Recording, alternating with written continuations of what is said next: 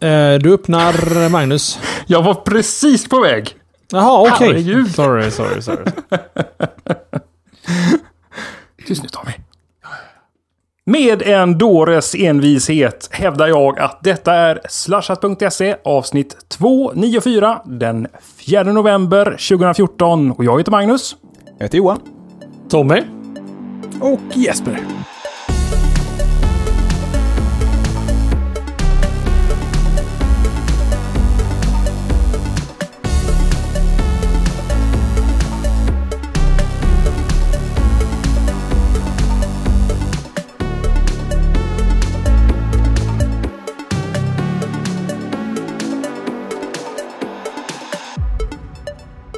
Välkomna till eh, ännu en, det är en fullsmäckad teknikvecka vi har framför oss. Ehm, den av oss fyra i den här skaran som däremot har lite grann problem med tekniken, det skola vara Tommy denna kväll som sitter på en skakig lina ute, ute i de djupaste skogarna av eh, östra Göteborg och vi... Eh, jag vet inte, Tommy, är du med oss här på länk eller? Ja, alltså... Problem. Linan. Ja. Ja. Och där har vi Tommy. Som presenterar sig på allra bästa sätt. Jag var tvungen. Ja. Lät det trovärdigt? Det lät jättetrovärdigt, men det är också för att du robotar lite så här i livesändning. Vet inte om du kommer, om du, om du kommer göra sen när du faktiskt spelar in. Jag sitter här och panik hur jag ska lösa det där i efterredigering för att eh, då hade vi haft vanligt ljud på det om det hade varit på riktigt och vi hade inte förstått. Nej, det hade... Usch, jag släpper det. Ja, nej, jag skämtar bara. Men jag har faktiskt... driva med mig så. Nej då, jag har faktiskt nätverksproblem idag. Jag har haft sköna dropouts så att nätet har dött här nu under försnacket. Som jag inte ens var med i. Eh, Så är det så att jag försvinner mitt under showen så kommer grabbarna säga att Tommys lina dog. eh, Och då helt enkelt kommer ni inte få mig under hela showen. Men jag tror det ska hålla. Eller vad säger du Johan? Det kommer hålla va? Vad tror du? Ja, såklart det kommer att hålla. Det är, du har ju ett kanonmodem har jag hört. Ja, och det kommer osökt ta in oss på ditt första ämne om en liten, liten stund. Men det finns väl även lite pollar att gå igenom Magnus va? Lite grann personalia ska vi eh, ta oss igenom innan vi rullar igång dagens avsnitt som är så fullsmäckat. Förra veckans poll tänkte jag vi skulle börja med och eh, förra veckan undrade vi hur du skulle föredra att betala i butik. Tre var alternativen. Med mobil var 59% som röstade på det. Med kort 36% eller med kontanter 5%. Jesper? Hur skulle, Jag? ja, hur skulle Ja. du vilja betala? Ehm, ja, jag vill ju tro att jag skulle vilja föredra att betala med mobilen. Av, eh, i, I första hand av nördfaktorn, av andra hand en sorts säkerhetsfaktor. Ehm, och det, det känns framtid på något vis. Har, har, har du någon gång provat?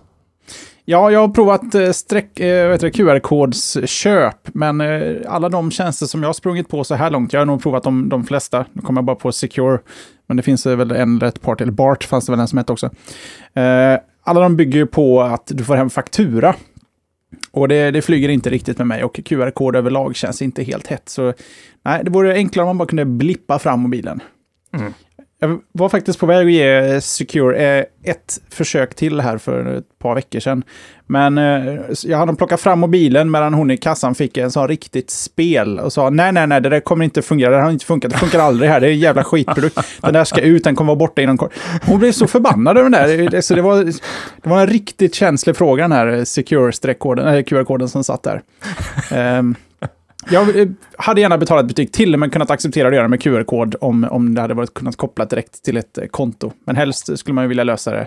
Eh, ja, Fanboy-Jeppe säger Apple Pay-vägen liksom. det Langa fram mobilen mot någonting så det blippar till, släng tummen på sensorn och så det är bra sen. Det känns som att det kan bli en riktigt het lösning. När den väl kommer till Sverige. Om den väl kommer till Sverige. Om den väl kommer till Sverige. Johan, betalar du helst med kontanter eller kottar eller vad är det som gäller? Ja, det är ju främst kottar, men det är få som tar det idag tycker jag. Jag tycker det är lite, lite jobbigt. Så att eh, nu föredrar jag att eh, betala med mobilen, men det är ju få som gör det, eh, som tar emot den betalningen heller. Så att jag, jag löser det med att inte köpa grejer. Förutom tv-apparater, men det ska vi återkomma till. Mhm. Tommy, sist ut. Ja, jag ska bara låna Jeppes grej där angående Apple Pay. Har någon koll på om Apple Pay... Jag vänder på den här meningen. Har någon koll på om Android funkar med Apple Pay? För jag hör olika saker om det på nätet. Att vissa säger att ja, men det är NFC, det går lika bra att betala med en Google Wallet som en Apple Pay Wallet då, med att det är NFC. Har Jeppe, du har lite koll på det eller? Ja, det här är ju lite kopplat till ämnet som jag inte hann med förra veckan och eh, det hade att göra med den här konkurrerande betallösningen i USA, eh, Currency, Eh, som ett, visst antal företag hade gått samman för att skapa framtidens betalsätt med mobilen. Och det byggde också på en QR-lösning. Och de företagen som var kopplade till det här blev av högre ort ombedda att inaktivera möjligheten att eh, ta betalt via Apple Pay. För Apple Pay fungerar även för de som inte är partner om de har rätt hårdvara, vilket är en helt vanlig NFC-terminal. Eh, vilket gör att det, det har blivit lite begreppsförvirring här, utan de, de som har en terminal som fixar Um, Apple Pay kan även ta vanlig betalning via NFC från en Android. Så att det, det är samma sorts chip med andra ord. Det, är- det är inte en Apple-specifik eh, NFC-lösning i själva apparaten.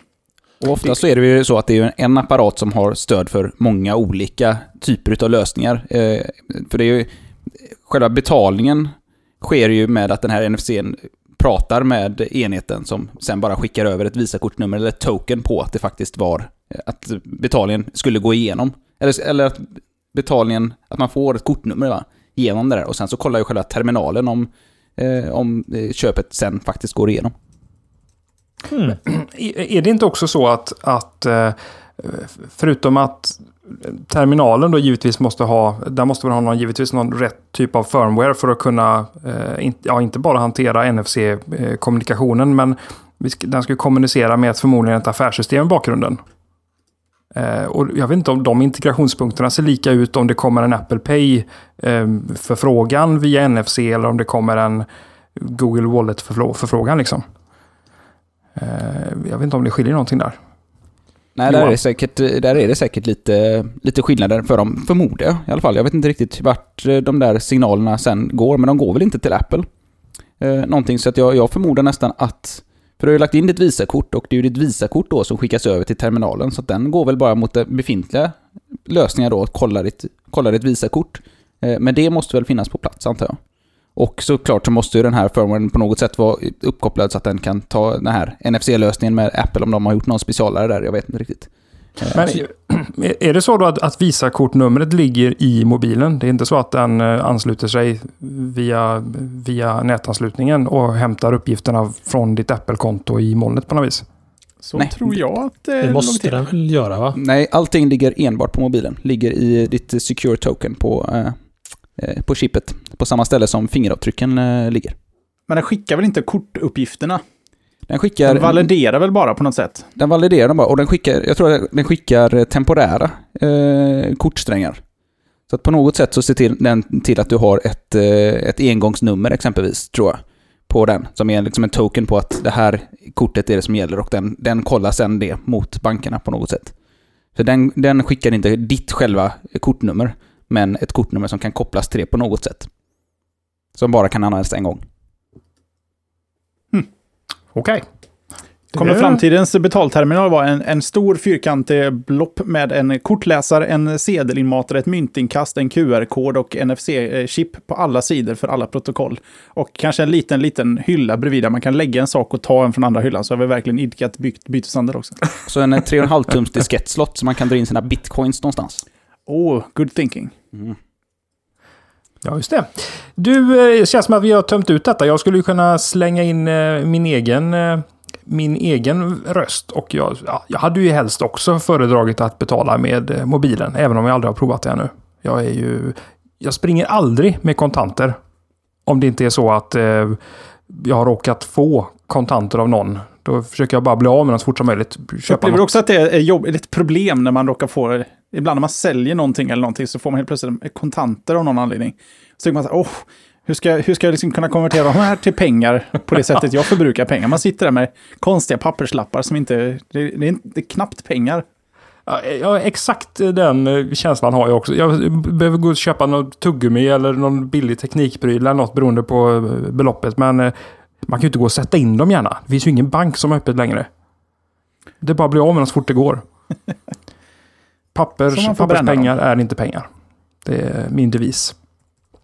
Du eh, Jesper, vill du dra någonting mer? Eh, Du var inne på currency där.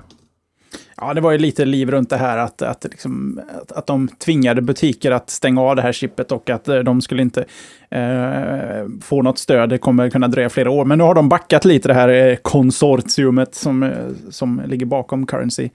Och eh, de kommer att tillåta inom några månader var det senaste jag såg att dessa terminaler ska öppnas upp för Apple Pay-stöd. Så ja, de har väl fått, det var alldeles för mycket badware. Till och med Android och eh, iPhone-användare börjar liksom dra åt samma håll här och, och skriva protestlistor. Och de var, tröttnade väl på den dåliga reklamen och eh, har helt enkelt börjat backa. Då har du ju gått långt. När man ja. eh, samlar sig bakom gemensamt Apple och eh, Android.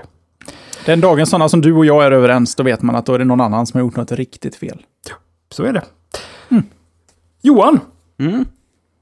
Eh, vet du någonting om varför eh, Tommy har sånt strul med sitt eh, modem idag? Eh, det vet jag. Eh, ska vi köra en eh, liten follow-up först? Oh, med tanke på att jag, det här är ett av de ämnena som har fått mest feedback på den senaste. Viss, vissa ämnen som man pratar om vet man så här, gener, kommer generera ganska mycket feedback. Det här som man bara nämnde, nämnde i förbifarten i förra veckans intro har genererat ungefär lika mycket feedback som man kan få för andra betydligt eh, starkare ämnen. Ja, det är klart det, du ska göra det. Ja, och det, folk frågar ju väldigt mycket om min tv som jag då köpte. Och eh, jag vet inte riktigt, jag, vet inte om man kan med och rekommendera en tv. För att alltså, tv-apparater idag, de är ju hemska. Eh, det här börjar bra, det här gillar jag. ja, men, ja, jag, jag, förstår liksom inte, jag blir arg när jag tänker på hur eh, en, ett företag kan släppa en produkt som fungerar så dåligt rent mjukvarumässigt. Eh, otroligt buggig tv. Och det kanske bara är eh, Philips tv-apparater. Jag har köpt en Philips eh, som är sådana. Men eh, min känsla är att det verkar som att många har problem med, med sina smart-tv-apparater och att de inte alls funkar när folk väl börjar använda dem. Så att jag vet inte om man kan rekommendera det. Men den är, det är en trevlig tv. Någon, borde jag haft modellnumret uppe här om man ska vara sån. Men någon skön Philips eh, tv från... eh, som har Ambilight framförallt. Eh, och det kan jag slå ett litet slag för, för att det är supertrevligt. Jag eh, kände att jag behövde någonting att hänga upp mitt köp på, för att bara kolla efter spesar kommer man inte långt på, och att gå och titta på tv-apparater i butik, det är ju helt hopplöst och lönlöst. För att de är ju helt märkligt inställda och de är, man kan liksom inte se någon skillnad riktigt på dem. De som är eh, billiga, de är dåligt inställda och de som är dyra är väldigt mättade färger och väldigt hög skärpa på, eh, vilket är hemskt. Eh, så att eh, jag kände att jag behöver bestämma mig för att ha en grej som jag kan eh, snöa in mig på och då blev det Ambilight och helt plötsligt så har man inte så många tv-apparater att välja på. Och just den här veckan så hade Dustin Home ett specialerbjudande på den här som sänkte den här tv-apparaten med 4000 kronor. Så jag kände att men då slår jag till på den. Och ja, förutom att den funkar för jäkla dåligt så är den ju skitbra.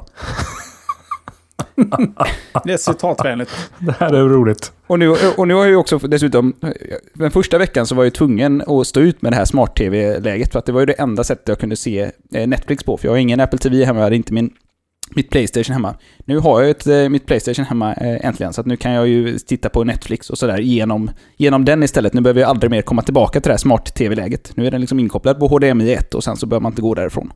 Så att jag, det, det kommer säkert växa på med den här tvn. Men som sagt, Ambilight är jäkligt kul.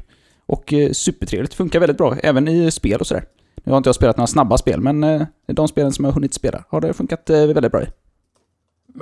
Men det känns inte som ett väl underbyggt beslut att köpa den här tvn riktigt då? Inte överhuvudtaget. Men jag kände att jag behövde ju, jag bara behövde köpa en TV.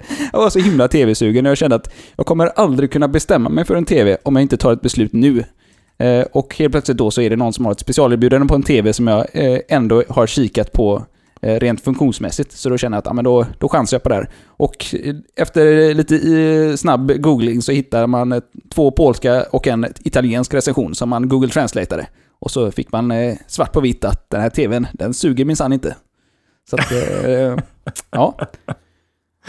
Okej, okay. men eh, å andra sidan, du sa ju att, att smart-tv smart var ingen, eh, alltså funktionerna var ingen stor grej för dig för att du hanterade det på andra sätt. Ja, precis. Det var ju Så. nu bara första veckan som, som jag behövde stå ut med det där egentligen. Mm. Trevligt. Då, eh, då har vi fått lite, lite rapportering och eh, våra forumanvändare som har saknat detta eh, ska väl numera vara nöjda med Johans tv-rapportering, inshow och allt. Jajamän. Så man får jobba med. Jag har ju fått mejl och grejer om det här också, så att eh, det här är... Ja, det har varit frågan på alla släppar under veckan. Det har, varit uppenbart. Kvällspressen har ringt och... Jajamän. Ja. Du, något eh, annat som kvällspressen har pratat mycket om Johan, vad är det? Oh, vilken överlämning. Eh, ja, för det är nämligen DN eh, som har gett sig ut på ett litet granskningståg här för att kolla av IT-säkerheten i Sverige. Och jag tror att de började, jag tror att detta var första artikeln i eh, den här sessionen utav eh, granskningar. Och eh, de eh, tittade på eh, IT-säkerheten hos helt vanliga bredbandsmodem. Och framförallt då Bredbandsbolagets först och senare även Comhems modem. Och konstaterade att eh, Bredbandsbolagets Syxelmodem och eh, Comhems eh, Netgear CG3100, eh, väldigt, väldigt vanliga modem eh, från de här båda leverantörerna, är otroligt lätthackade. De har ett eh, användarnamn och lösenord som är, eh, jag tror att i alla fall på, i Comhems fall så var lösenordet och eh, användarnamnet eh, samma. Antagligen root och root. Eh, för att komma in i den här eh, eh och få root access till det här modemet och samma sak med i Syxel-modemets fall. Det var också väldigt, väldigt låg säkerhet för att komma in och kunna styra egentligen allting på, på modemet. Kom hem, fick till och med Eh, den här rapporterat för, till sig för 14 månader sedan, men det har liksom inte hänt någonting på den här fronten. Netgear hade levererat lite mjukvaruuppdateringar, men kom hem hade stoppat dem för att det inte höll några kvalitetskrav och bla bla bla. Men det, summa summarum så har det gått 14 månader sedan de fick reda på det, eh, att de här modemen är fantastiskt lättackade och ändå har ingenting hänt. Så, vad kan man då göra om man kommer över ett sånt här modem som hackare?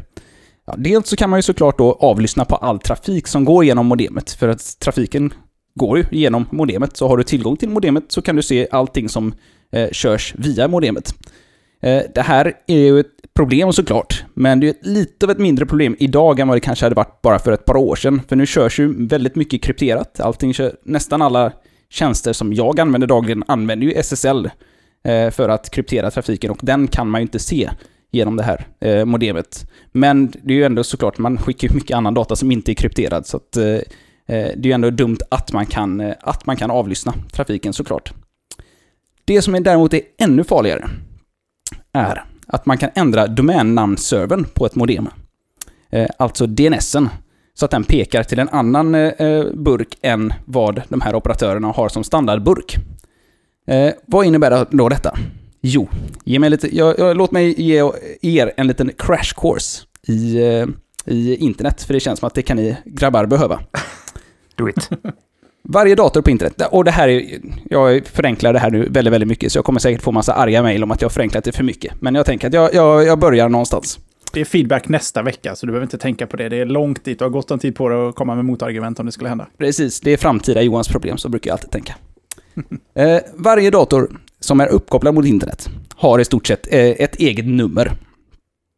Eh, och det här gäller alla datorer, eh, även servrar, för en server är ju egentligen bara en dator som står uppkopplad dygnet runt och serverar massa grejer på sin nätverkslina. Det är ju inte konstigare än så. Men vi människor gillar inte riktigt att komma ihåg nummer och det fick ju typ ICQ erfara ganska, de föll ju ganska platt efter ett tag när numren blev alldeles för långa. Så man vill, istället så uppfann vi det här med att vi kan ha URLer, så att vi kan skriva google.com istället för 74.125.232.229. Och det här kan man skriva i sin webbläsare, det kommer man komma till google.com. Eh, och DNSen då, eller den här domännamnservern, eh, det är en databas över de här numren. Så att man kollar helt enkelt, när man skriver in google.com i webbläsaren, så kollar man mot DNSen okej, okay, vilket nummer är det som jag ska min dator ska kommunicera med för att hämta hem google.coms hemsida? Och så får man de här siffrorna tillbaka. Och det här gäller ju alla sajter på nätet. Så exempelvis om jag ska gå in på min bank, nordea.se, eh, så surfar jag till deras sida, den kollar upp vilket nummer Nordea har och sen så börjar min dator kommunicera med det numret och hämtar hem Nordeas hemsida och jag skriver in mitt användarnamn och lösenord och loggar in med mitt bank-id och allting. Problemet nu då, om man kan byta ut det här, eh, den här servern så att man kan ha en, eh, en, peka den på en annan server, så har ju någon möjlighet att säga att ah, men du, när någon vill gå in på nordea.se, skicka dem till den här datorn istället, som jag har satt upp, där hemsidan ser i princip identisk ut med Nordeas hemsida. Men jag har ändrat lite grejer så att de här, eh, dina eh, användaruppgifter, de skickas direkt här vet du, till, eh, till maffian. Eh, för att det, man säljer grejer till maffian, det, det hör ju hemma. Och det är ju ett katastrofalt säkerhetsproblem, för det här innebär ju också, vi har varit inne på det här eh, tidigare när det kommer till eh, eh, säkerhet och lösenordssäkerhet och så här. Det här är ju, är ju någonting som folk skannar av. Så att en, en hackare skannar ju av en jäkla massa olika datorer runt om på nätet för att försöka hitta just sådana här typer av säkerhetsmissar så att man kan installera grejer på deras modem, eller på folks modem och sen styra om folk till olika, eh, olika sajter beroende på om, när de tror att de är eh, säkra. Exempelvis då när man går till sin, till sin bank eller annat. Så att det här är ju ett katastrofalt säkerhetsproblem. Och hur... Jag, jag, blir fruktansvärt irriterad när jag tänker på Comhem och Bredbandsbolagets nonchalans kring det här problemet. För de här, det känns ju inte som att de här har blivit testade, de här eh, modemen, utifrån ett säkerhetsperspektiv. Och det gör mig väldigt besviken som, som konsument. Det känns som att nu har jag pratat väldigt länge. Tommy, något att säga om det här? Jag vet att du är alltid het på gröten. Jag funderar på hur, hur själva hackningen går till. Det är ju mer intressant kanske ur det, det perspektivet. Men det måste väl vara så att defaultmjukvaran som BBB skickar med till modemen måste väl ha en, en inloggning helt enkelt. Sen om du går mot IP, din publika IP, och folk inte har låst ner port 80, så borde ju modemet logiskt sett svara på nätet med en Skriv in ditt användarnamn och lösenord för att komma åt administrationsgränssnittet då så att säga. Ja, precis. Jag tror att DN hade någon... Eh, eh, de hade satt upp någon liten eh, honeypot-sajt som körde något skript som loggade in automatiskt, eller löste det där automatiskt. Så att man kunde... DN är ju så fina i och med att det är kvällspress, så de har lagt upp en sida med så här fina katter och grejer så att man liksom kan säga att men du vet, det är inte bara hemska sidor som man kan bli hackade på. Det här sidan, den har ju fullt med fina katter. Och, den kan ändå innehålla ett hack. Väldigt roligt och pedagogiskt tycker jag. Och, och, i det här sammanhanget då på de här eh, Syxel-mjukvaran, för att styra den, så har de lagt in ett eget uh, username och password som Bredbandsbolaget använder för att logga in som remote för att kunna hjälpa kunden och sånt där, misstänker jag. Just det. Och deras lösning på problemet var ju att stänga ner så att inte folk kunde logga in på sina modem själva. eh, det löser ju å andra sidan säkerhetsproblemet omedelbart. Om vi ska leka djävulens advokat här lite kort. Ja, eller gör, fast gör det det? Ja, I och för sig, de behöver ju fortfarande någon tillgång till det när de ska lösa det, vilket de har lovat. Ja, precis. De har ju fortfarande ett... ett eh, de kanske bara ändrat De har sparat det, det här default-kontot. ja, men precis. Så det känns ju ändå, jag vet inte, på så sätt så är det ju lite, lite läskigt. Det löser inte problemet på lång sikt någonstans, men eh, det kanske löser det på kort sikt. Jag har dålig koll på... Eh, jag hade inte något av de här modemen nämligen, så jag, hade inte, jag har inte möjlighet att testa själv kring om man... Jag hade hoppats på att jag skulle ha det här kom hem-modemet, men det hade jag inte.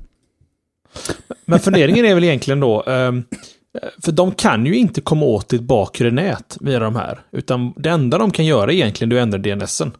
Eh, som det bakre nätet använder för att resolva IP-adresser. Eller domännamn på nätet. Eller lyssna på trafiken då, som går igenom modemet. Ja, fast hur? Du kan ju inte injekta någon data in i det här verktyget. Alltså det är ett vanligt linksys, eller förmodligen syxel administrationsinterface. Men de pratade som att de kunde köra eh, lite vanliga Unix-kommandon för att kolla... Um... Ja, det är det jag funderar på, för det låter... Alltså, då måste du komma åt den via Telnet eller SSH eller någonting. Och det lär du inte kunna göra på de där. Nu ska jag inte säga för mycket. De har ju överraskat innan också, Bredbandsbolaget. Men du kan eh. väl ta dig in till hela admin-gränssnittet? Ja, men precis. Men där stannar ju, så att säga. Vad, vad kan du göra mer än att byta DNS? Eh, för användaren. Och du kan ju stänga av DHCP-releasen så att du inte kommer ut på nätet, men det hjälper ju ingen. Men alltså, teoretiskt sett, eh, är det inte så att, att du via admin-gränssnittet, om du är, sitter som eh, support på Bredbandsbolaget, att du därifrån kan trycka ut uppdateringar till, till hårdvaran? Ja, det skulle av... du kunna göra. Du skulle kunna flasha om hela skiten. Fast då nollställer du alltihop på köpet. Det står att Syxel 2601 och 2812 är så pass sårbara att de eh, med hjälp av datorkoden, det här är ju DN som skriver, till och med går att få, få ett så kallat root-kommandoskal på modemet. Det innebär att en hackare kan installera program på enheten, till exempel TCP-dump, som är ett slags spionverktyg som loggar ah, allt en användare gör på internet. Men då, då har han någon kommandotolken i någon form av Java-applet eller någonting då på själva adminverktyget? Förmodligen, ja. Ja, okej. okej. För jag tror att det var, alltså, det var att man kom in via käll på något vänster. Och tänkte det låter jättekonstigt, hur ska man kunna göra det? Ja, då kan man göra lite mer roliga saker faktiskt. Det är såklart. Men om, man det- släpper, om man släpper den tekniska biten här, är någon sådär superförvånad över det här? Jag är förvånad över lösenordet Bredbandsbolaget har valt. Det är jag förvånad över. För vad man skulle kunna gjort, klart de har ju samma, man skulle kunna att den mjukvaran som flashas tar till exempel routens eh, serienummer som lösenord istället, det rootkontot. Så skulle Bredbandsbolaget kunna dokumentera det i support, eh, eller släng, slingan de har där. Så att de kommer in ändå. Men lösenordet förvånar mig om det är 1, 2, 3, 4 eller root, eh, root eller vad det nu kan vara. Är det inte root och password på Bredbandsbolaget? Eller på Comhems i alla fall, har jag för mig. Ja, det, så kan det vara. Och sen också, det här är ju alltså, det här är ett vanligt problem på nätet. Det här, här får ju Bredbandsbolaget mycket knäpp på näsan. Men jag menar, jag satt hemma hos min svärfar och eh, satt och körde saker i hans nät. Satt upp en VPN eh, där. Och så råkade jag se att det, jag fick massa konstig trafik från olika IP-adresser som låg nära hans IP, för han har eh, fiber då. Så jag gick in på den och då var det något, no, någon typ av, eh, eh vad fan heter de här? Dreambox heter de va? Mm. Ja, just det. Så det var ju grann, grannens Dreambox som han hade glömt låsa ner. Så jag kunde gå in och byta kanal hos grannen om jag var sugen på det. Och så fortsatte jag köra en, en map i det nätet och hittade ju massa öppna grejer som folk har. Och det är ju inte ovanligt att folk köper en router på nätet eller på, på NetOnNet eller vad som helst och sen bara stoppar in den och så är det admin password som default-lösenord och sen så interfacear den internet så att säga. Så visst, det är illa som fan att Bredbandsbolaget har ett, ett, ett, ett så enkelt lösenord i root-kontot, men det här är ju inget nytt problem på något vänster. Det är, jag kan säkert under showens tid där leta fram en IP-adress på nätet som är öppen, som har root eller admin password som, som inloggning till deras, eh, deras router. Men alltså, eh, vad du sa här Johan, kom hem informerades om detta om för för 14 månader sedan. Jajamän. Det är fan katastrof. Här kan jag låna, jag tror att det faktiskt är Säkerhetspodcasten, eh, killen där, som, för de pratar i det nämligen, eh, att de Ja. har hittat något sånt. Och det, det som är riktigt illa Magnus där, som är att han har ju gjort allting rätt. Om det är den här killen då, eh, jag kan inte svära på det, men han har ju verkligen gjort disclosure-grejen och gått in och pratat med dem och förklarat problemet. Och han har fått att vi ska fixa detta snart. Liksom. Sen hände ingenting. Så att det är riktigt illa, faktiskt. Och de eh, är ju inte så bra svar heller. Jag läste intervju med pressekreteraren här från, eh, på Comhem. Eh, där de eh, säger att ja, men, det, diskussionen kokar ner till att men, var försiktig där ute. Det är inte så att man blir attackerad utifrån, utan det aktiveras av att man surfar in på en hemsida eller klickar på en länk. Och då säger ju DN då till exempel att ja, men det är ju inte sant. Ett, ett skript kan ju bakas in exempelvis i en annons. Här, du kan ju ha det vart som helst. Ja, men därför ska man vara försiktig där man går in. Man ska ha ett bra virusskydd. Och här, antivirusskydd, så här, antivirusprogram, det hjälper liksom inte mot det här säkerhetshålet. Ah, du är betydligt duktigare på det här än vad jag är på teknik, så att ah, jag passar på den diskussionen. Och det är så här, men hur kan man ens gå ut och ge de här, den här typen av råd i en sån här... Det är en teknisk pryl, jag förstår det. Men det är ju ganska vedervärdigt att man eh, får gå ut och fara med osanningar på det här sättet. När det är ett så allvarligt problem.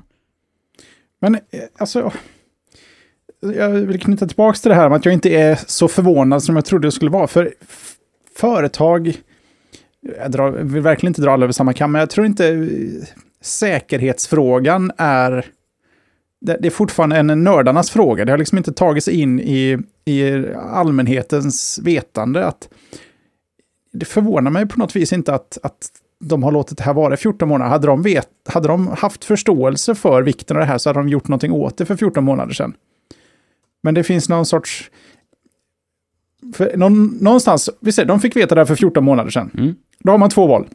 Vi gör någonting åt det eller vi gör ingenting åt det. Och så kan man liksom vä- väga pros and cons på, på det. Jag kan bara tänka mig att det är ehm, en fråga om ehm, pengar. Om, eh, om risk, eh, liksom en riskvärdering. Ja, det är nog inte så farligt. Eh, Normala konsumenter är inte medvetna om den här problematiken. Eh, Folk har mycket problem med sina datorer ändå. Och då, då blir det ju liksom någon sorts arrogans för att våra kunder vet ändå inte bättre. Nej, alltså grejen är att man köper ju en tjänst från dem då kan man ju tycka att säkerhetstänk borde ingå i tjänsten. Sen ska inte det vara någon sån här slutgiltig grej att man ska bara ska lita på leverantören, men man ska nog Fast fan, jag vet inte. Det känns ändå som köper ett modem som är komfat av bredbandsbolaget så skall det inte vara några problem. Då, då ska de ha tänkt på säkerheten. För igen, det, det som är anmärkningsvärt här för mig, det är lösenordsvalet de har valt på deras rootkonto. Det är ju katastrof liksom. Sen, sen kan alltså folk som köper eh, ett modem från någon onlinebutik eller vad som helst, pluggar in det i väggen, kopplar in nätverkskabeln och det börjar funka och sen släpper det.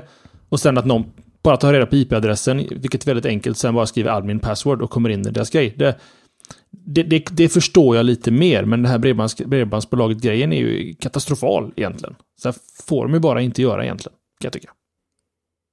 Sen är jag nöjd så ofta med detta. Men det, vi, kan ju, vi, jag, vi kan ju tycka att det är i alla fall bra att det här lyfts upp på ett sätt som... DN har ändå lyft upp det på ett ganska bra sätt, tycker jag.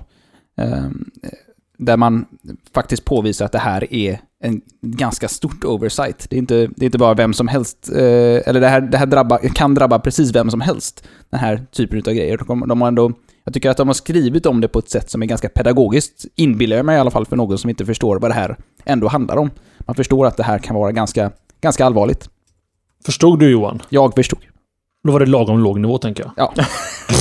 Nej, förlåt. Du, du öppnade upp dig så för detta. Jag ber om ursäkt, jag skäms nästan. Jag är tyst. Ja, Det kan det inte vara. Nej, jo, det är så- du Jeppe väl? Ja, sådär ja. Ja, det har hänt saker. Ja, här, nu får vi ett litet problem här känner jag. Men eh, nej, vi, vi, får, vi får manipulera showens format för att kunna hantera det. Eh, jag tänkte prata om att, eh, och det här är lite ovanligt, jag väljer ett Google-ämne. Eh, men eh, sent ska syndaren vakna. Och det handlar om att eh, Google har släppt ett, eh, en ny produkt, tjänst, funktion. Eh, extension ska vi väl kalla det. Vad är officiella namnet för Chrome? Plugins, Tommy, du borde veta det. Extension va? extension är det ja. All right. Får jag låna en sekund till dig Jeppe? Ja, varför inte? I och med att, det i och med att du sa det att ovanligt det skulle har du ett Google-ämne. Mhm. Och det här var ju någonting som jag tog upp i, i- i en chatt nära dig och våra vänner här i showen idag. Eh, känns det inte lite som att, Google har hållit på en jävla massa nyheter tills lite Apple-grejen ebbar ut lite, vilket det naturligtvis gör. Eh, iPhone 6 och Apple Pay och allt sånt där. Och sen bara... Ja, Bengate till exempel, eller Recallgate, det nya här som jag har myntat. Eh, så då funderar jag på det att, kan det vara så att de gjort det medvetet? För jag känner att det är alldeles mycket Google-nyheter just nu. Det är fundering på det Jesper. Tänker bara inbox, nya Gmail, nya kalenderappen.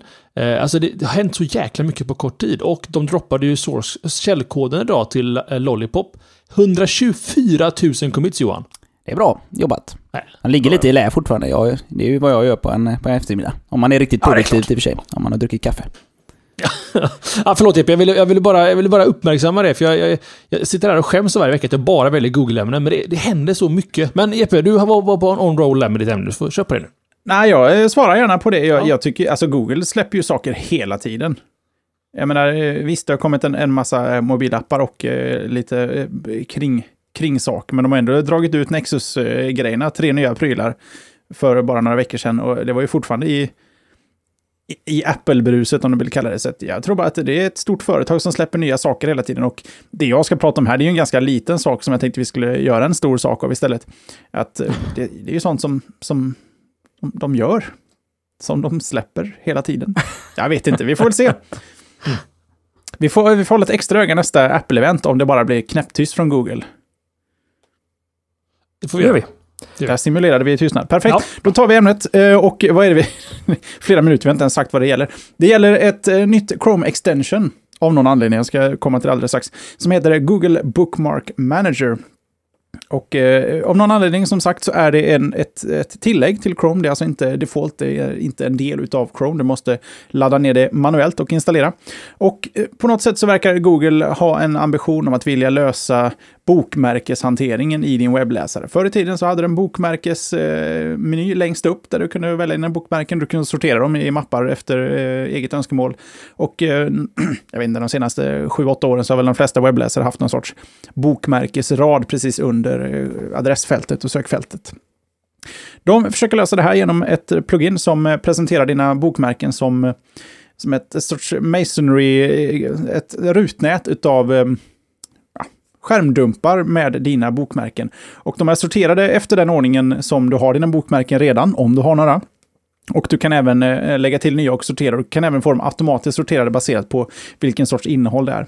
Du får även Googles sökmotor kopplad till det så att du kan eh, få realtidssök på dina, eh, dina bokmärken. Och den, om den här, det är fortfarande en bugg i den, men när de har löst den buggen så, så ska du kunna söka innehåll i sidorna som du har som bokmärken. Och den ska på, på något smart sätt kunna organisera det här åt dig och göra det väldigt eh, enkelt och översiktbart. Nu är det ett ord. Ehm, alla dina länkar helt enkelt. Och vi kommer ju komma till en sorts pollfråga om det här så småningom och det brukar betyda att vi ska diskutera det här i nästa veckas show. Men jag känner att eh, nu har vi ett ämne på det och då måste vi prata om det. Vi börjar med Magnus. Ja. Har du bokmärken i din webbläsare? Du, jag skulle behöva söka hjälp Jesper. Så mycket bokmärken har jag. Hoppsan! Ja, eh, inte nog med Lite att förvånad jag... ändå. Eh, ja, jag, alltså... Jag samlar på bra... Ja, det är bra sajt, bra att ha. Den, eh, den sparar jag här bland mina bokmärken. Och så har jag kanske... Jag skojar inte om jag säger att jag har någonstans eh, 400... 450 bokmärken kanske. Okej, inte- du sparar på bokmärken. Klickar du någonsin på de där bra länkarna? Jag går igenom dem ibland och kollar. eh, Ja, där har jag den fina. Den, ja, den sparar jag. Men nej, jag använder ju jag använder väldigt mycket bokmärken i jobbet som jag behöver känna att ja, det här var en skitbra sajt. Den måste jag komma tillbaka till. Eh, Det här problemet stöter jag på igen. Och så... Alltså, jag, jag hårdar ju flikar även då. Så att jag har en 30-35 flikar igång i webbläsaren är ju inte heller är ju inte heller ovanligt. Men eh, de gångerna jag behöver rensa flikarna så åker allt ner i bokmärkesfältet. Och så eh, vet jag det att ah, då kan jag leta efter det där nästa gång. Eh, Så så jobbar jag. Johan, Mm. Jag eh, sparar ju inte överhuvudtaget någonting i min webbläsare. varför och hur gör du istället? Eller är det bara eh, Google-sökmotorn som gäller? Det är väl en kombination. Jag sparar saker jag vill läsa, sparar jag i Instapaper. Så att grejer som jag bara känner att ah, den här artikeln, den vill jag läsa, läsa men inte läsa nu. Då slänger man in den i Instapaper. Eh, om det är någonting som jag vill ha som referensmaterial, ett standardbokmärke, då eh, drar jag ner i Evernote. Känner att ah, men det, här, eh, det här verkar som en schysst programmeringsgrej, eh, eller det här går igenom eh, eh, just den här saken som jag vill veta mer om. Då, eh, det här ska jag spara. Eh, Då kör jag det oftast i Evernote. Och eh, sen så har jag någon liten, eh, jag vet inte, jag har använt Pinboard en hel del. Eh, och jag har väl slutat använda den nu nästan bara till förmån för eh, Evernote och Instapaper. De täcker mitt behov ganska bra. Eh, men annars så använder jag Pinboard precis som jag använde, jag var en väldigt stor användare utav Delicious. Och Magnolia, heter det så? Ja, det var, det var någon blomma. Ja, jättefint i alla fall var det. Eh, det, jag har ju varit väldigt stor användare av de här sociala bokmärkestjänsterna som funnits på internet sedan urminnes tider, men nu nästan helt och gått ur tiden. Pinboard är väl den enda som finns kvar. Så att eh, det har jag försökt använda, men som sagt, men jag, har eh, gått tillbaka lite från det och använder nu nästan enbart Evernote och Instapaper i kombination. Pinboard.in, är det den tjänsten? Som, Ja, just det. den ser väldigt gammaldags ut. Då. Ja, det är så jäkla gött.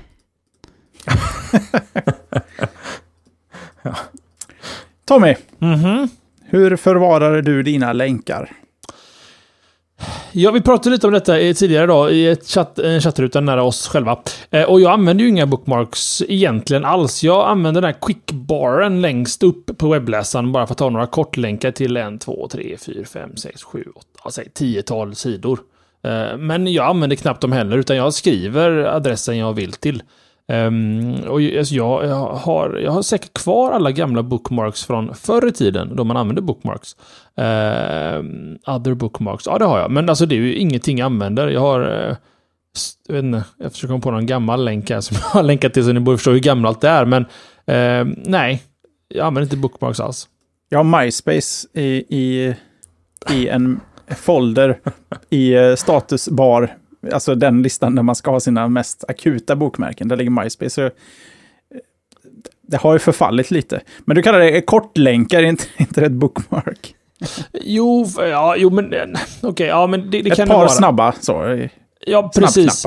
Men jag, jag tenderar att ändå gå till, eh, alltså jag skriver, jag skriver SWE, om jag ska till Swedbank, FA, om jag ska till Facebook, eh, ja vad det nu kan vara för sajt jag går till, SLA, Enter liksom för slashat. Jag, jag, jag, jag, så däremot så vill jag ju egentligen skapa ett arkiv av, av nice länkar på något sätt. Alltså saker som jag skulle kunna gå tillbaka till i framtiden. Fast fan, jag har inte behövt göra det på ja, åtminstone 5, 6, 7 år liksom. Sen jag gjorde den senaste eller bookmarken, så att nej. Jag kan nej. exportera från mig här Tommy, så kan du få en 400 fina bookmarks. Köpa billigt.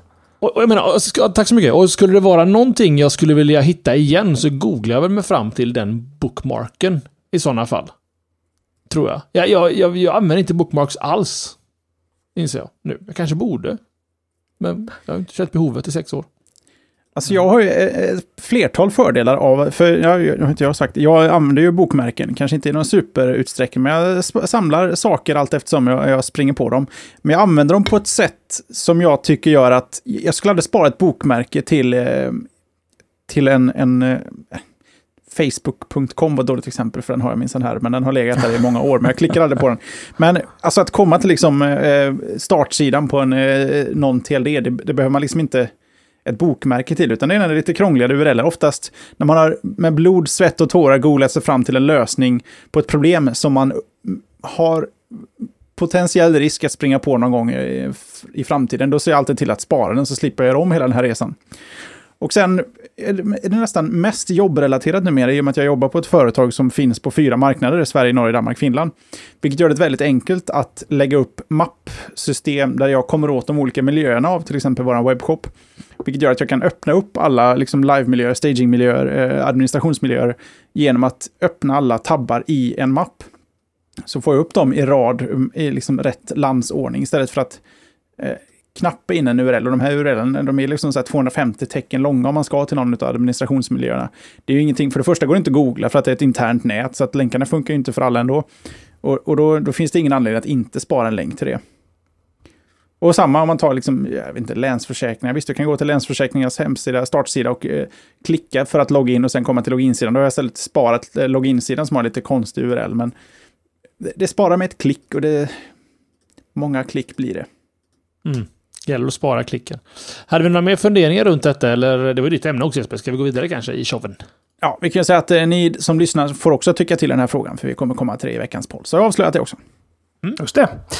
Jag tror att vi tar och smyger in eh, veckans forumtråd i detta nu. Ooh. Och, Den är eh, det rolig. Det är, det är faktiskt en väldigt speciell forumtråd vi har plockat ut. Eh, Det börjar ju lacka mot jul.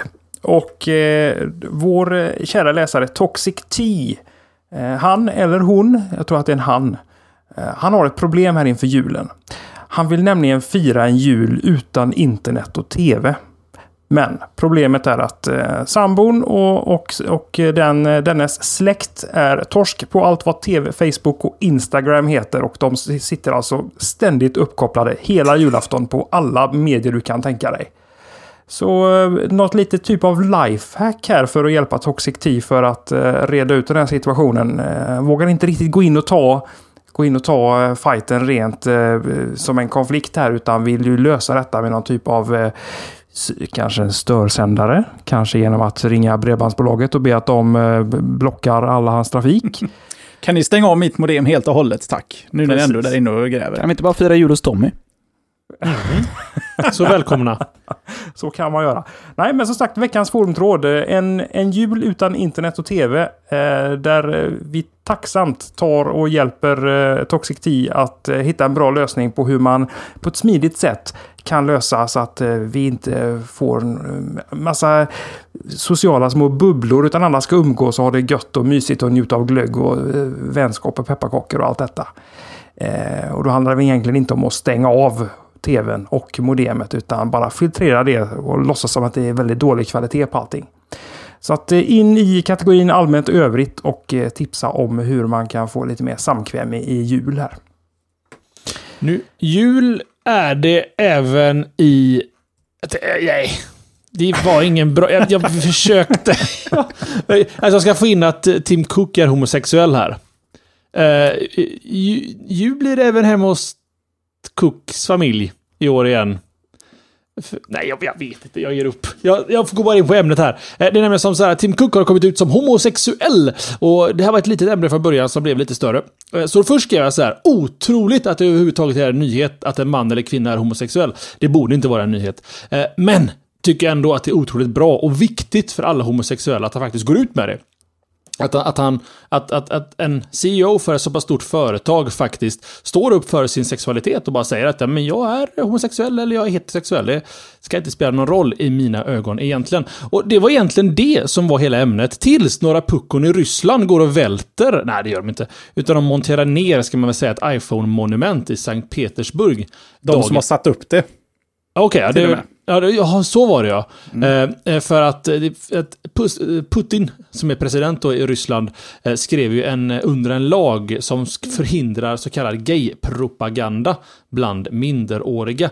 Och den här iPhone-statyn stod i anslutning till en gymnasieskola. Därför så valde då den här organisationen CEFS att ta ner eh, den här iPhonen eh, för att de tycker att den då representerar på något otroligt konstigt sätt gay-propaganda. Jeppe och Johan och även jag och även Magnus har Apple-produkter. Eh, det, det, det, så det, det här är ju... Så, Även vi är gay tänkte jag att du skulle säga. Det har hänt. Eh, oskyldiga kvällar. Men fortfarande så, poängen är ju fortfarande liksom att, att det är den konstigaste kopplingen mellan ställningstagande. Eh, och jag, vet jag hittar inte ens ord för idiotin där borta i Ryssland från den här organisationen. Ska vi inte dra alla ryssar och ryskor över en kam här? För så är det verkligen inte. Eh, så att det började som en jättekul nyhet och slutar lite i en downer med att folk fortfarande har så trångsynt syn på sexualitet när det är 2014. Jag har inte Eh, alltså det finns ju inte mycket att diskutera här, så jag kan lämna med en varm hand över till Jonasson. Eh, om inte Jeppe har något litet mjukt där. Jag är sen på att vifta med handen att jag vill prata. Uh, nej, jag, jag, jag vill inte bara förstärka och hålla med. Jag, jag tycker det är jättebra gjort av honom. Nu, nu tror jag att de flesta som ändå är uh, inne i techbubblan, uh, ryktet har väl gått att han är homosexuell ganska länge och så. Och jag tycker det är jättebra att han eh, vågar ta steget att, att eh, faktiskt gå ut med det publikt och, och det är väldigt viktigt. Det är synd att det ska behöva vara en så stor grej i, överhuvudtaget. Men det är fortfarande väldigt, väldigt bra. Den dagen en sån som han kan göra det, han ska inte ens behöva göra det, utan eh, han, jag vet inte, han skulle kunna ha det i, jag vet inte, foten på sin blogg utan att någon lyfter på ögonbrynen. Då, då har vi gjort framsteg. Men eh, jag tror det, det här gör väldigt mycket för, för andra jag tror inte Sverige, homosexuella har det tufft i hela världen, men jag tror att det, det finns mycket värre länder eh, att vara homosexuell i än, än Sverige, betydligt värre. Där det, där det betyder mer än för en, kanske en svensk homosexuell. Kan ju börja med länder som där det är förbjudet att vara homosexuell. Fortfarande finns ju kvar i världen, vilket är ännu mer konstigt. Ja, vi behöver inte gå jättelångt, det är ju bara att titta på det ry- ryska företagskonsortiumet som satte upp den här iPhonen som plockar ner den. Eh, det, är ju ett problem och, det är jävligt bra gjort alltså. För han hade inte behövt gå ut med det, men gjorde det ändå. Nej, men, men precis. Och, eh, viktigt, eh, viktigt ställningstagande från en viktig man i vårt samhälle och i våran, i våran bransch också, kan jag tycka. Vi har den artikeln liggandes i, eh, i eh, våra show notes. Så att eh, eh, ta er tid och läs den. Den är väldigt, jag tyckte den var väldigt stark och väldigt bra. Eh, Det Mm. var väldigt tydligt med varför han gick ut med det och vem han är. Så att eh, jag rekommenderar alla att lägga in den i Instapaper eller Pocket eller bara läsa den rätt upp och ner. Eller varför inte som ett bokmärke? Och nu har ju även Magnus Jonasson någonting att berätta för oss här ikväll. Magnus? Ja, Tåget. herregud. Herre- Jag tror vi fortsätter på, på motsättningarna eh, USA-Ryssland faktiskt. Eh, därför att tidigare så har, vi, så har vi ju pratat om att eh, Ryssland har varit extremt skeptiska mot, eh, mot både Microsofts och Apples produkter eh, och varit rädda för att de ska ha haft bakdörrar installerade i, i sin mjukvara som, som USA skulle kunna använda för att spionera på, på Ryssland. Och eh, nu kan det vara som så att eh, Ryssland får vatten på sin eh, kvarn. Därför att eh, FBI jobbar i, eh, eller lobbar i den eh, amerikanska kongressen för att få in ett tvång för bakdörrar i mobila prylar. Och eh, eh, då ska vi ta och backa bandet lite grann. Eh, därför att 1994 så tillkom det en eh, lag i USA som heter The Communications Assistance for Law Enforcement Act. Som eh, hade till eh, eh, som tvingade egentligen alla telefonoperatörer 1994 då att tillhandahålla system för avlyssning av telefonsamtal. Egentligen inget konstigt. Men den här lagen instiftades ju betydligt eh, tidigare än den mobila eh, Eh, revolutionen som, eh, som vi alla är en del av slog igenom. Och eh, de här nya kommunikationsformerna har helt enkelt inte tagits upp i, i lagtexten. Därför lobbar då FBI för att man vill förändra den här, den här CALEA, Communications Assistance for Law Enforcement Act, att även gälla de här, den här nya typen av, av kommunikation. Däremot så säger då FBI-chefen att eh, James Jace Comey heter han, eh, en av cheferna på FBI, att det här är inte tänkt att vara något eh, dolt, utan det här ska vara en, eh, det här, ska vi, det här är vi tydliga med, vi är transparenta och det här ska bara gälla för att förenkla brottsbekämpningen. Eh, han tycker att han blir lite motarbetad mot, av både Google och Apple som eh, i sina respektive läger satsar på hårdare kryptering för sina användare. Det, vi har ju sett hur det, hur det har gått för, eh, för bilder på, på iCloud som har f- f- hamnat på villovägar och så vidare. Um, men han vill liksom avdramatisera det hela och säga att det här är, det här är ingen bakdörr utan eh, det här vill vi göra tydligt så att ge oss istället nyckeln till din eh, huvudentré. Så blir alla glada och så kan vi eh, jaga bovar. Men då ställer jag mig några frågeställningar kring det här. Hur ställer vi oss till det här? Du ställer några frågeställningar. Hur ställer vi oss? Ja, jag ställer den till dig då Tommy, till en början. Vad är det här bra? Eh, alltså, okej. Nej, det är det inte. Det är inte alls bra. Men jag tänker ta på mig en hatt som jag sällan inmundigar inmyndigar i sådana här situationer. Eh, alltså, eh, situationen har ju förändrats sedan lagen skrevs. Finns det inte en viss logik i då att, att eh, brottsbekämpning ska kunna ske även på den nivån? På samma sätt som polisen har befogenheter, nu pratar vi om USA då, men även mycket i Sverige, har rätten att göra en husrannsakan hemma hos dig. Eh, borde de inte samma polismyndighet kunna få göra en, hus en rannsakan av din mobila enhet för att kunna lösa ett brott? Magnus, svara på det. Jo, det tycker jag. Ja. Ja, eh, Men ja, hur, hur gör man det på en hårt krypterad enhet utan en bakdörr? Det, det gör det ju inte. Det, det, det, det tar ju käpprätt stopp där liksom. Ja, det, är- det är sant. Och jag, alltså, spontant ser, ser jag inget problem med det här. Och det är åter till den diskussionen som vi har fört många gånger tidigare. Att har, har du ingenting att dölja så, så är du heller inte föremål för, ja, för den här typen av avlyssning. Men då har jag ett motargument till mig själv här. Shoot. Tack så mycket. Vilket intressant diskussion detta blev.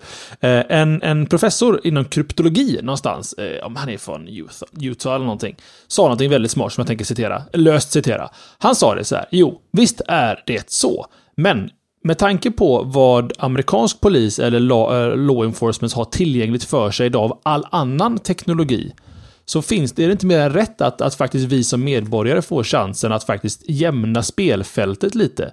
I det att vi ska kunna kryptera våra enheter och faktiskt Ehm, tar, tas tillbaka på en lik, likgiltig nivå om man säger så, samma nivå som polisen. För man kollar du på vad polisen har för befogenheter idag, igen i USA, att gå in och avlyssna trafik på nätet, att få ut logga vad du har besökt och, och så mycket, mycket mer. Vi lämnar ett digitalt spår efter oss, vad vi än gör, handlar med Visakort eller vad det nu kan vara, som polisen har rätt att använda.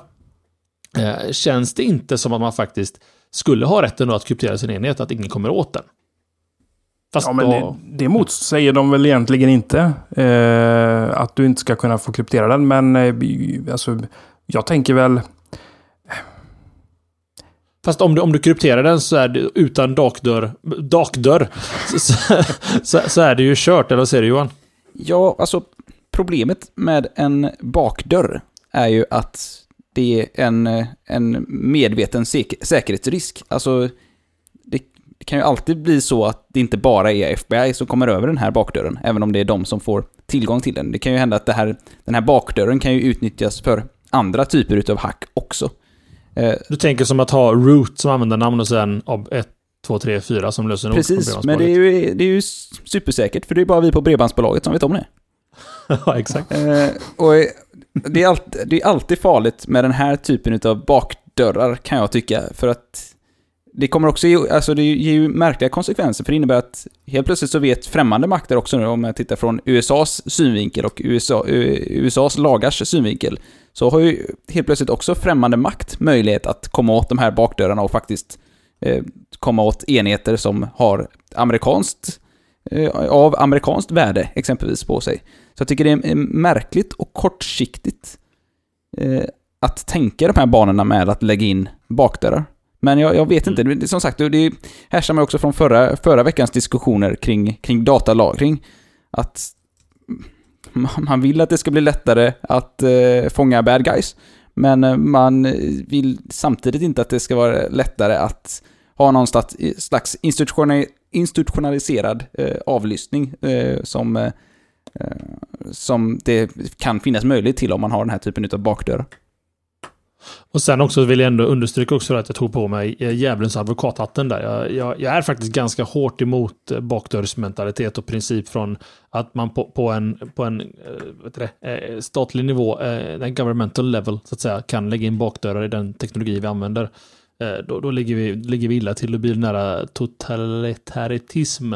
Eh, och eh, inte diktatorer egentligen, men det går mot en sån värld och det, det vill jag inte. Vissa medborgare ska fortfarande ha friheter, kan jag tycka. Eh, sen visst, jag menar vad fan, så har man motargumentet att jag vet inte, tio barn sitter fängslade. Kan vi komma in i den här mobilen så kan vi rädda dem liksom. Ja, det hade ju varit jättebra om man kunnat göra det. liksom, det, det, är ett supersvårt argument. Vi kan alltså ta en specialshow och prata om, om lag och rätt faktiskt runt eh, användning. Ja, men det är alltså, ja, det är lag och rätt och det är, det är etik och moral i en, i en härlig blandning verkligen. Mm. Och alltså kan det, kan det hjälpa, kan det hjälpa, kan det rädda ett liv?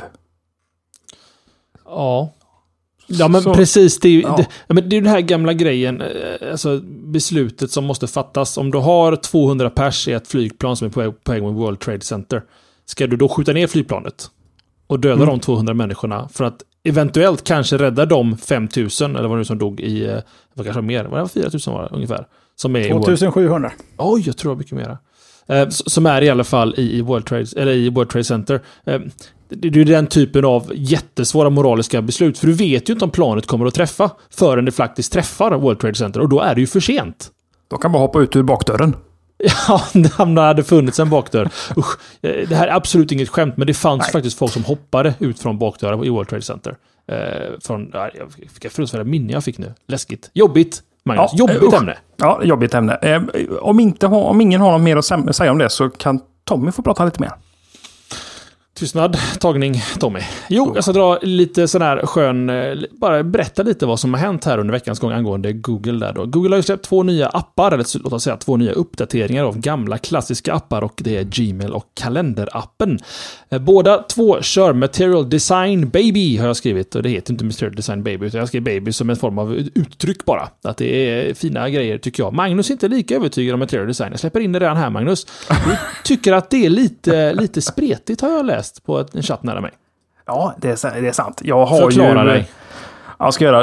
Nu är det små saker jag, jag stör mig på, men eh, Google har ju börjat att rulla ut eh, Material Design även för oss som kör eh, 4.4.4. Eh, eh, till exempel i, eh, nu browsar jag här bland mina appar, men Google Play, Google Play Store, i, i Google Plus, i, i Hangouts. Och väldigt många av de här apparna beter ju sig olika. I, alltså när du, ska, när du laddar om en sida, när du swipar in för att få tag på en meny. Eh, de döljer olika mycket av eh, ja, en, en vänster slide-menyn. Vän, alltså, de beter sig inte likadant. Mm. Även om de eh, säger att det här, är, det här är material design som gäller så, så spretar de något fruktansvärt och det finns ingen konsekvens i det. Jag, jag blir upprörd. Herre, jag tror att det skulle lösa sig den här gången. De fick en chans med, med Holo-gränssnittet att... Eh, en liten grace period, men nu ska det fan med sitta. Jag kan hålla med om att saker från Googles sida borde sitta. Sen är det ett företag med tiotusentals anställda. Jag kan tänka mig att de inte har 100% synk med sina grejer. Eh, och en, en grej som faktiskt, det kommer en ny version av Gmail-appen alldeles snart. Som, som gör en ganska uppenbar grej som de har missat. Det ser ut som ett rent fel som de fixar faktiskt med Material Design Pattern så att säga. De ska följa sina egna regler. Eh, hoppas på att det bara är ett mänskligt fel. För jag håller med dig Magnus. Eh, om man slår sig för bröstet, spelar Allan och säger att det här är Tommy Fabian det bästa sen skivat bröd. Då måste i alla fall Google som Patient Zero fixa detta i sina egna appar. Eh, men det kan också vara en, en, en fas där de rullar in en förbättringar där. Eh, och en intressant grej som ska nämna också, i och med att jag är utvecklare och många utvecklare som lyssnar på podcasten, så har Google gjort rätt för en gångs skull. Material Design går ner till Android 2.1 tror jag. Eh, eller kan det vara 2.2? Nej, 2.1 tror jag. Vilket motsvarar en bra bit över 90% av alla Android-användare. Jag tror till och med över 95%. Eh, så att man kan back, bakporta, så att säga, eh, långt, långt, långt ner i Android-trädet med den här designstrukturen, då, vilket är skitbra. Kan jag tycka. Tillbaka då till vad som har hänt här då. Förutom då att de har fått Material Design Gmail och kalenderappen, så kan faktiskt Gmail nu, håll i hatten här killar, för er som inte har läst nyheterna, och även tjejer som lyssnar på showen, Gmail kan agera e-postklient för andra konton än bara Gmail, vilket gör namnvalet av den här appen lite konstig. Men alltså har du en Outlook, iCloud eller en annan e-posttjänst som du använder kan du alltså använda de här i Gmail-appen och switcha mellan eh, e-mailkonton. Och då tänker folk, ja men är inte det självklart? Nej, det var inte det på Android, för att Gmail har alltid varit en Gmail-app och sen har du haft en e-mail app bredvid som har varit då lite mer att switcha över andra konton. Så det här är ju supernice, kan jag tycka, att det här faktiskt har kommit med. Sen tycker jag inte att det är solklart att Gmail hämtar hem din Outlook-mail. Um, ehm, och nu pratar jag alltså inte om att du på något konstigt sätt ska pipa in din Outlook-mail in i din Gmail, utan det är alltså en, en ren IMAP-tjänst så att säga i Gmail. Um, systemkraven för, an, för nya Gmail-appen är Android 4.0, det vill säga Ice Cream Sandwich eller senare. Och Innan nu man får mothugg direkt från olika håll och kanter här i podcasten så motsvarar det 89,4% av alla Android-användare kör 4.0 eller senare. Eh, enligt Googles egna siffror då. De räknar på hur många som besöker Play-butiken under två veckor tror jag. Eh, så att eh, ja, nästan 90% av alla Android-användare kan alltså köra nya Gmail-appen kul att höra. Eh, vad som är nytt då i vår kalenderapp där, eller i alla fall min som är användares kalenderapp, är att eh, den kommer nu alltså hämta saker ur mejlen till dig. Så att får du en biljettbokning, en hotellreservation eller andra e-postmeddelanden då, liknande Google Now, så kan den föreslå då att ska lägga in det här i din kalender, eftersom det här är uppenbarligen en biobesök som du ska göra. Om det finns datum och tidsspecifik information då i mejlet. Eh, den nya funktionen Assists föreslå saker som personer och platser medan du knappar in händelser.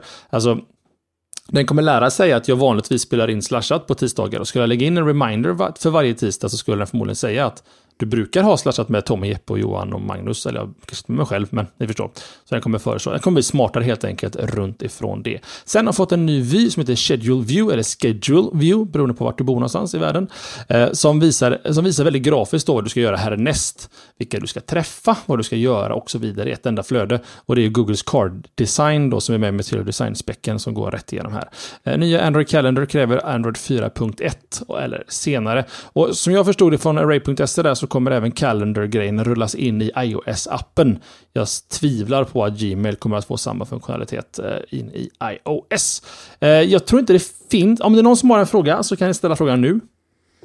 Tror du inte att det kommer till iOS också? Varför skulle inte Gmail få, eh, få det? Det var, det var nog snarare, det var nästan citat där från Siavars, tror jag det var, på Array. Det var osäkert om det skulle komma till iOS. Jag kan se om man kan få det exakta citatet där från Siavars. Ingenting Ingen. är sagt om dessa förändringar om dessa förändringar även kommer migreras till iOS eller inte. För Gmail. Jag är övertygad om. Jag är helt övertygad om också. Om inte annat så tycker jag Inbox är ett tydligt exempel på att eh, de, de är inte rädda för att uh, ta hela sin look till en annan plattform också. Nej, och det ska, det ska de inte vara. Alltså, Gmail är ju en produkt i sig, så att säga, och ett varumärke för Google. Så att det, finns, det vore jättedumt om de säger att de, Gmail får inte finnas på iOS bara för att det är iOS. Det vore väldigt... Det blir, jag tycker det är väldigt uppenbart i Gmail-appen att du kan lägga till andra konton. Då vill de ju liksom helst att du ska samla alla dina e-mail-tjänster på ett och samma ställe. Och ett annat sätt att samla alla sina mejl på, på ett och samma ställe är att finnas på så många plattformar som möjligt. Så jag är helt övertygad om att det kommer till iPhone också.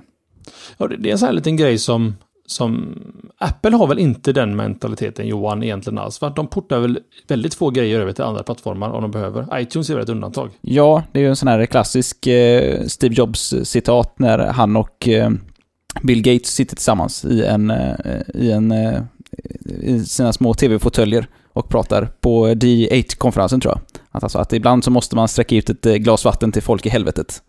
Eh, kom menar då på att de gjorde iTunes till, till, eh, till Windows. Eh, nej men det är sant, och de har, det är inte så riktigt som, som de har jobbat eh, historiskt. De är ju, brukar ju vara duktigare på att integrera andras tjänster i sina egna produkter istället för att få någon slags vettig upplevelse när de inte tycker att de kan göra en bra upplevelse själva under, eh, genom hela spannet. Så att, eh, men de ju, skulle ju inte få för sig, eller det finns ju ingen anledning för dem att göra en... Alltså iCloud stödjer ju IMAP. Varför skulle de göra en, en iCloud-app till Android exempelvis? Det ser jag liksom ingen anledning till. Eller kalenderapp. De stödjer ju de här vanliga formaten. De kör ju Kallav eh, via det. Så att man kan ju liksom hooka upp vilken annan eh, kalenderapp som helst eller eh, IMAP-klient eh, som helst till sitt eh, iCloud-konto. iCloud alltså, ett snabbt exempel som jag har eh, utifrån som är en både Mac-användare och Android-användare åt alla håll och kanter. Det, det, är ju egentligen att det skulle vara jättekul att kunna komma åt iCloud-funktionalitet för min Android-telefon. Eh, tänk dig filsystemet man skulle kunna lägga där uppe. Eh, det kommer till Windows i alla fall. Det är ju Ja, ett litet steg. En, en, liten tröst i min värld. Eh, alltså, för det finns ju många tjänster som Apple gör jävligt rätt, som man egentligen skulle vilja ha på Android-sidan också. Eh, med den mentaliteten. Jämförelsevis då så finns ju Drive. Googles eh, lösning även på för iOS. Det vore, för I Googles ögon så är det självklart att man även skulle kunna synka till sin Drive från iOS. Men Jeppe? Jag måste ju fråga, du som Android-användare, vad i iCloud kan du tänkas vara intresserad av? Ingenting. Exakt. Det, det finns, det är ju, det är, alltså det, jag tänkte en iCloud-adress i Android. Det är ju alltså det är svårt att få folk med, med Apple-produkter att, att använda en iCloud-tjänst. Eh, så ja, rent hypotetiskt skulle jag gärna vilja att de sträckte ut en hand antar jag. Jag har, jag har en åsikt, men Johan har en större åsikt. Ja, alltså jag är övertygad om att hade Apple släppt lite på den här policyn och exempelvis öppnat upp både Facetime och iMessage eh, när det begav sig och när det kom, Eh, och släpp det till framförallt Android, så tror jag att de nu har ju iMessage kan man ju hävda att det har, det har ju slagit ganska bra ändå, även om de har blivit omsprungna nu på, på, senare, eh, på senare dagar utav tjänster som eh, WhatsApp och andra meddelandetjänster. Eh, men hade man släppt det fritt då och släppt bra appar till det, som, man, som Steve Jobs faktiskt lovade till det här teamets stora förtret, har jag hört på senare, på senare tid.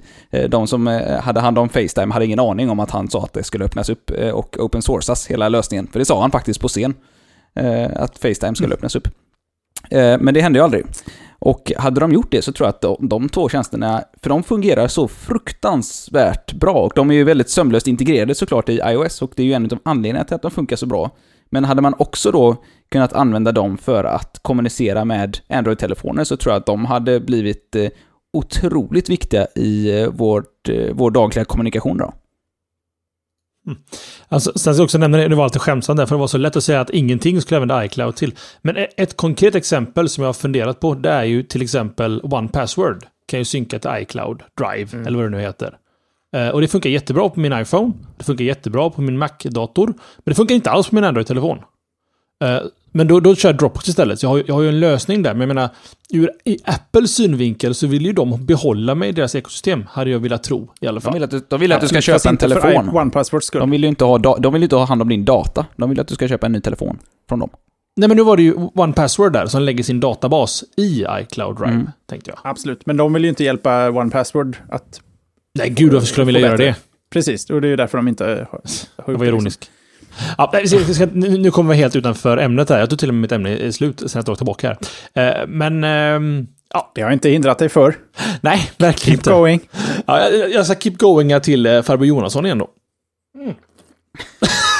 Mitt i en slurk. Jag bara, ja, jag passar på här när det ändå var lite, lite, fanns lite luft att fylla.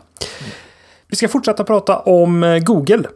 Det är nämligen så att Google kommer nu att behöva betala för att aggregera nyheter i Spanien. Och detta ska vi prata lite mer om. Eh, för att få bakgrunden här så backar vi till eh, 2005.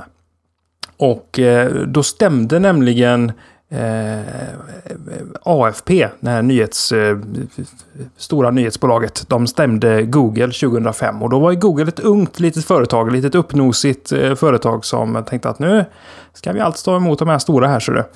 Eh, AFP tyckte inte att Google skulle aggregera nyheter via någon typ av eh, RSS-läsare eller liknande. Det som, eh, som senare kommer att bli Google News. Eh, de gillade inte att, att Google liksom skickade upp deras bilder, deras rubriker i den här, i den här tjänsten. Och eh, eh det var typ, ja, det var intrång på upphovsrättsskyddat material. Google svarade att eh, nej, nej, det här håller inte. Vi eh, ogillar den här stämningen och eh, ja, det är klart att de gör det förvisso. Eh, de, de kom med lite motargument och lyckades skjuta ner det ena, det ena eh, åtalspunkten efter den andra. Och eh, det slutade att man gjorde upp i godo och Google fick då eh, sköta detta, eh, den här aggregeringen av deras rubriker eh, fram till 2010. Eh, då eh, Rupert Murdoch eh, och News Corporation menade att eh, det Google News nu då gjorde mot, mot hans företag, det var att betrakta som stöld. När man alltså visar de här, den här informationen som, som, som eh, News Corporation har gjort tillgängligt för, för sina läsare. Eh, den här tvisten har lett fram till en lagändring i Spanien nu då. Som eh, låter förlag ta betalt av till exempel Google i detta fallet. För att visa upp nyheter via sina söktjänster. Detta har alltså klassats som ja, det, det, blev ju någonting, någon typ av någon, någon intrång i upphovsrättsskyddat material. Och för att, för att lösa detta så, så blir det en lagändring som slår igenom nu till årsskiftet 2014-2015. Och eh, då är det som så att eh, förlagen ska kunna få fakturera egentligen eh, Google och andra parter eh, för att de visar upp det här materialet. Hur stora belopp detta handlar om, det är eh, inte klarlagt ännu. Det är inte helt färdigt. Ehm, men det är bara att konstatera att fler tjänster än Google kommer ju att kunna drabbas av detta, i alla fall i Spanien. Det finns ehm, uttalade förslag om att detta ska införas som lag i resten av EU längre fram. Och eh, här tänkte jag bara slänga ut frågan lite grann. Jag vet ju att Tommy... Eh, nej, vi gör så här. Vi börjar med Jesper. Du är ju en man av eh, eh ordning. Ås åsikter tror du skulle säga. Ja, det är också eh, ordning och åsikter. Ordning och åsikter. Vad yes. tycker du om det här? Alltså, jag tycker det här är lite konstigt. Det är, det är någon sån här frånvänd eh, syn på hur internet funkar och, och hur upphovs... Det, det, det, är fel fight att att ha för AFP. Det här franska företaget, vad heter de? Uh, nej, jag ska inte ens prova. ja, här, någonting, uh, le, uh, French press säger jag, så, så vi det så. Yes, yes. Um, var, var går gränsen för upphovsrättsskyddat material? På nätet. Det är ju det där det blir väldigt luddigt. Om jag, om jag går in på deras eh, hemsida och de har liksom rubrikerna, AFP säljer ju nyheter. Och, men någonstans måste ju ändå de aggregeras, och, vilket betyder att de finns på nätet eh, och, och liksom kommer åt. Kanske inte hela artikeln alla gånger, men i alla fall rubriken. Om jag läser rubriken som är skriven med syfte att en eh, läsare ska ta del av den, har jag då själv brutit mot upphovsrätten genom att läsa den? Kanske, kanske inte, förmodligen inte. Men om jag då tar den länken och sparar den i en RSS-läsare som läser ner och jag får se rubriken i ett program, har, har jag då brutit mot upphovsrätten? Eller har programmet brutit?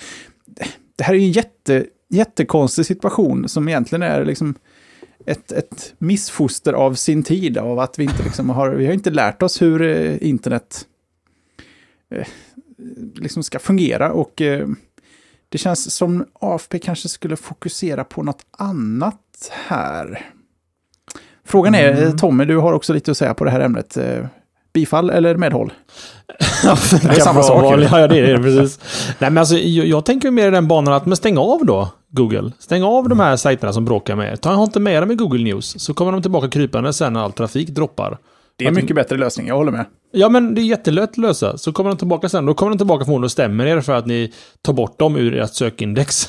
så att, jag menar, eh, alltså, alltså nå, någonstans djupt, djupt inom mig så kan jag ändå förstå var de kommer ifrån, de här tjommarna som bråkar. Inte att de vill dra det till domstolssituation som Murdoch vill göra, men att man eller faktiskt får igenom en, ett beslut här som ändå kommit till domstolen.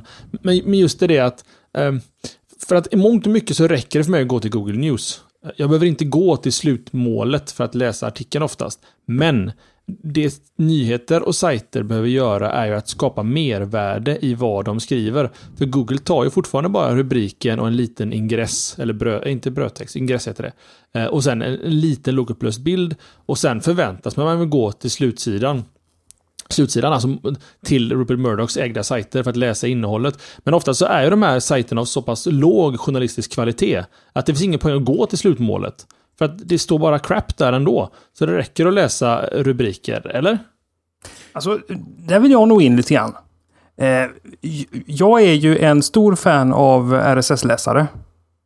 Och en RSS-läsare är ju en, en aggregeringstjänst. Eh, men eh, jag går aldrig egentligen till direkt till nyhetssidorna. Utan eh, eh, jag hänger bara i RSS-flödena. Och eh, i och för sig, det är ju RSS-flödena från respektive sajt när jag tänker efter. Så den, den kanske inte håller, nej. Vi släpper det. Jag, jag, jag gillar funderingen i alla fall. Ja, eh, kul. Vi- Vidare till Jesper. Ja, eh, jag vill bara så, så att vi inte missförstår här vad AFP är. Det är alltså inte en nyhetssajt som, som, eh, som Aftonbladet, GP, eh, CNN, utan det, det är alltså en telegrambyrå. De skriver nyheter som tidningar köper in, eh, publicerar i sin eh, helhet eller skriver om. Tänk TT. Eh, exakt som TT, fast eh, Agents France Press, eh, what- whatever, whatever, yeah, yeah, you know. Ehm, de, det, det är ju alltså, det är ju, det är, ju- det är inte, det är inte lågkvalitetsnyheter. Det här är ändå ett av världens största telegrambyråer. Så att det, det är ju folk som, som vad har de, där, 4 000 anställda. eh, som sitter och skriver nyheter åt hela världen. De, det är ju ett seriöst företag som inte sysslar med, med skvaller och sånt. Men eh, det här, jag är tillbaks på, på Tommys spår. Det, det här är inte rätt fight. Ta bort det. Fan, vi har ju right to be forgotten-funktionen i Europa. Det är väl bara att klämma in sin eh, eh, afp.com där och säga nej tack. Och sen ångra sig när de inser att jaså, det var där all trafik kom ifrån. Shit, vi... Back, back, lägg i backen. vi ångrar oss. Allt är förlåtet.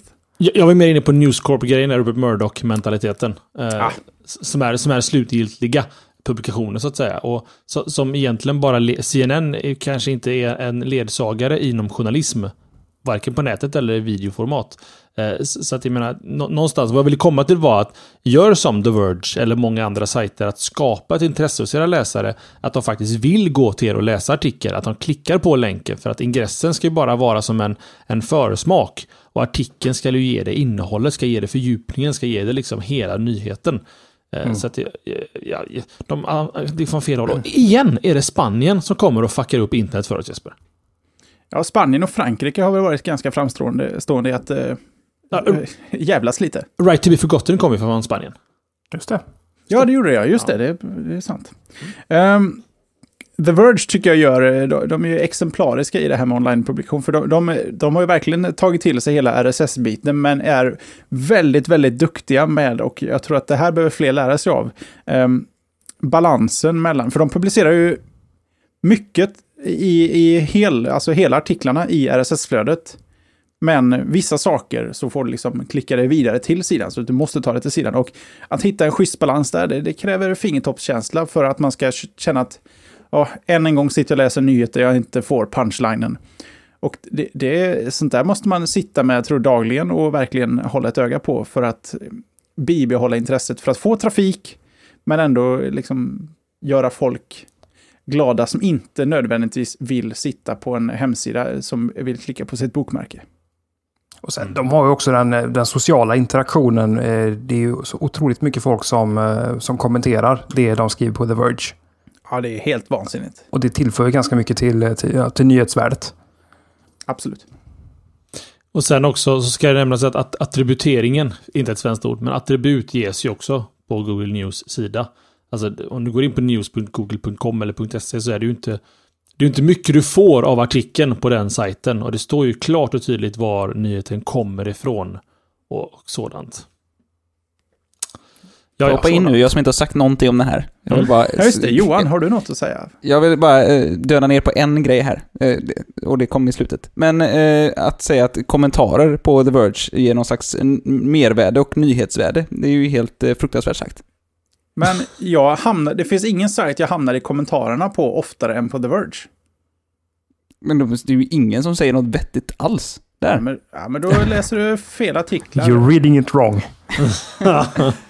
Ja, ja. nej, kom, jag, jag, jag, jag hatar kom, kommentarer på nätet alltså. Folk som säger och tycker saker. det här med att du hatar människor. Jag tror att avsnittsnamn Och, och tv-apparater.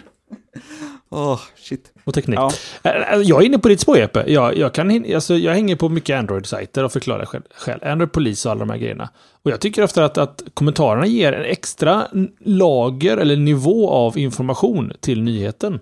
Så jag tenderar att gå, speciellt då Discus som har så här top-rated comments. Att bara snabbt öga igenom det som de andra har tyckt var bäst kommentarer till detta. Det är en standard faktiskt, för min del. Så det är så Johan. Ja, men man får ha fel. Snäll du är. Snäll och ödmjuk. namn där kanske till och med. Ja, man får ha fel, helt enkelt. Eh, Magnus, det var ditt ämne. Vill du leda oss in i eh, slutet här? Ja, hela vägen in i kaklet. Jag tror att Jesper är siste man ut med kvällens sista ämne, va?